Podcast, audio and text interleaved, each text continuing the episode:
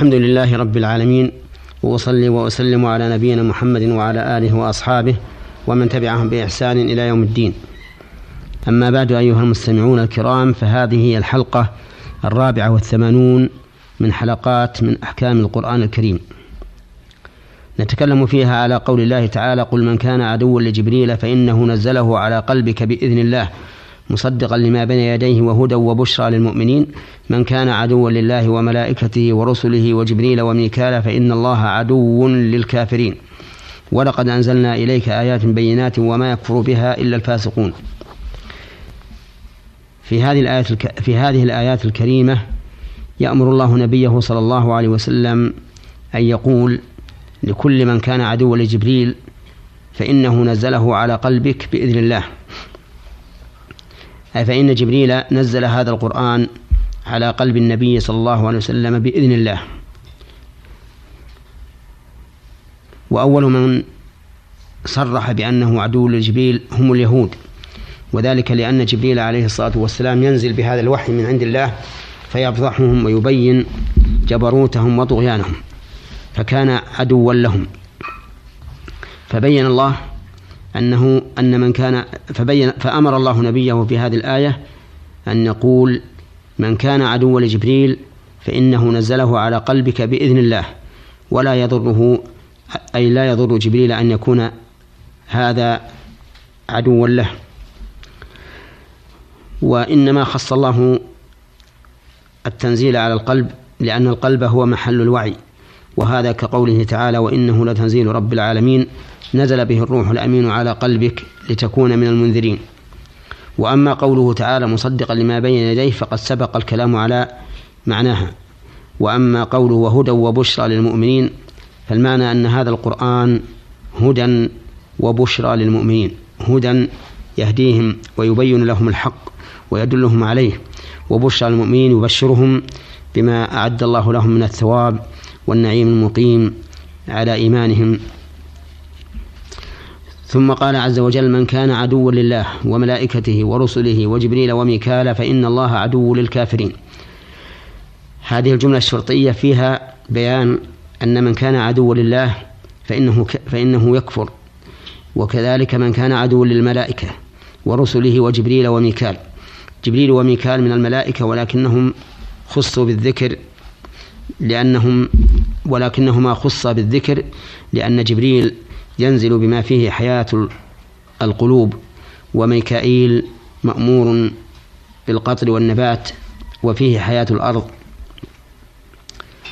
وفي قوله فإن الله عدو للكافرين إظهار في موضع الإضمار. إذ كان مقتضى السياق أن يقول فإن الله عدو له ولكنه أظهر في موضع الإضمار لبيان حكم من كان عدو لله وملائكته ورسله وجبريل وميكال أنه كافر. ولأجل أن يكون هذا عاما في كل كافر سواء كان كفره بسبب عداوته لله وملائكته ورسله وجبريل وميكال أم بسبب آخر. ولقد أنزلنا إليك آيات بينات وما يكفر بها إلا الفاسقون. في هذه الآية يؤكد الله عز وجل أن الله أنزل إلى رسوله صلى الله عليه وسلم آيات بينات وهو, هذا القرآن العظيم الذي بين الله فيه كل ما تحتاجه الأمة في معاشها ومعادها وما يكفر بهذه الآيات إلا الفاسقون الخارجون عن طاعة الله. في هذه الآيات من الفوائد إثبات أن جبريل عليه الصلاة والسلام نزل بالقرآن الكريم على قلب النبي صلى الله عليه وسلم.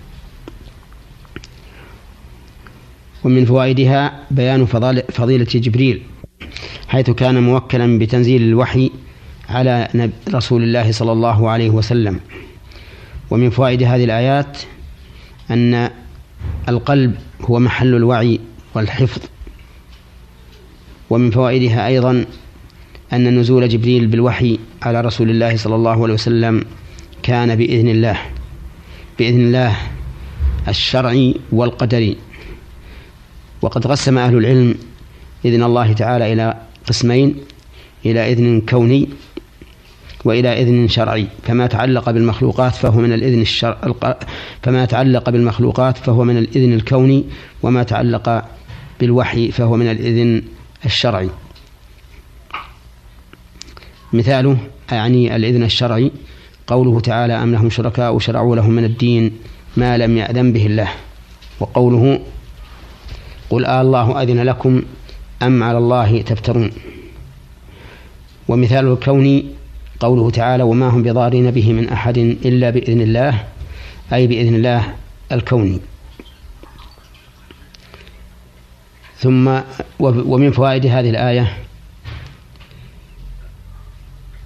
بيان أن جبريل عليه الصلاة والسلام وإن كان من من الملائكة له أعداء من البشر من بني آدم ومن أولهم اليهود كما ذكر ذلك المفسرون.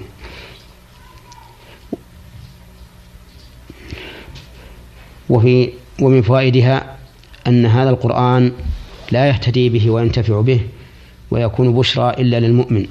أما غير المؤمن فإنه لا ينتفع بهذا القرآن ولا يكون القرآن بشرى له.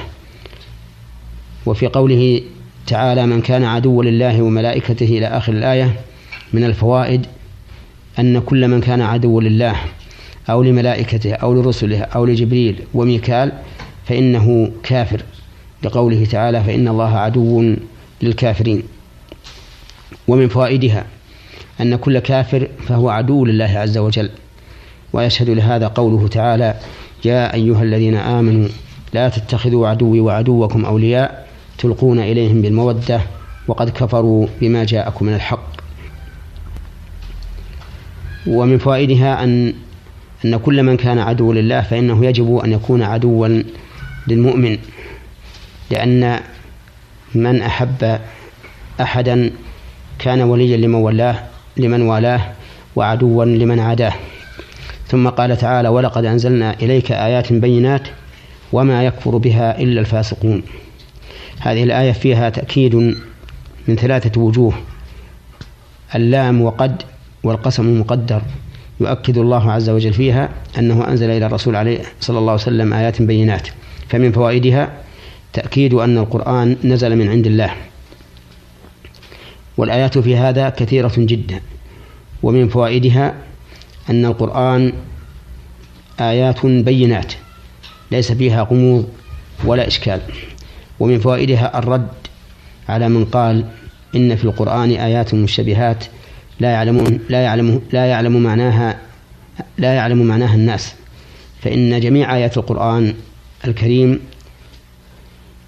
معلومة المعنى وليس فيها شيء مجهول المعنى لجميع الأمة لأنه لو كان فيها شيء مجهول المعنى لو كان فيها شيء مجهول المعنى لجميع الأمة لم يكن القرآن بيانا بل كان بعضه بيانا وبعضه غير بيان.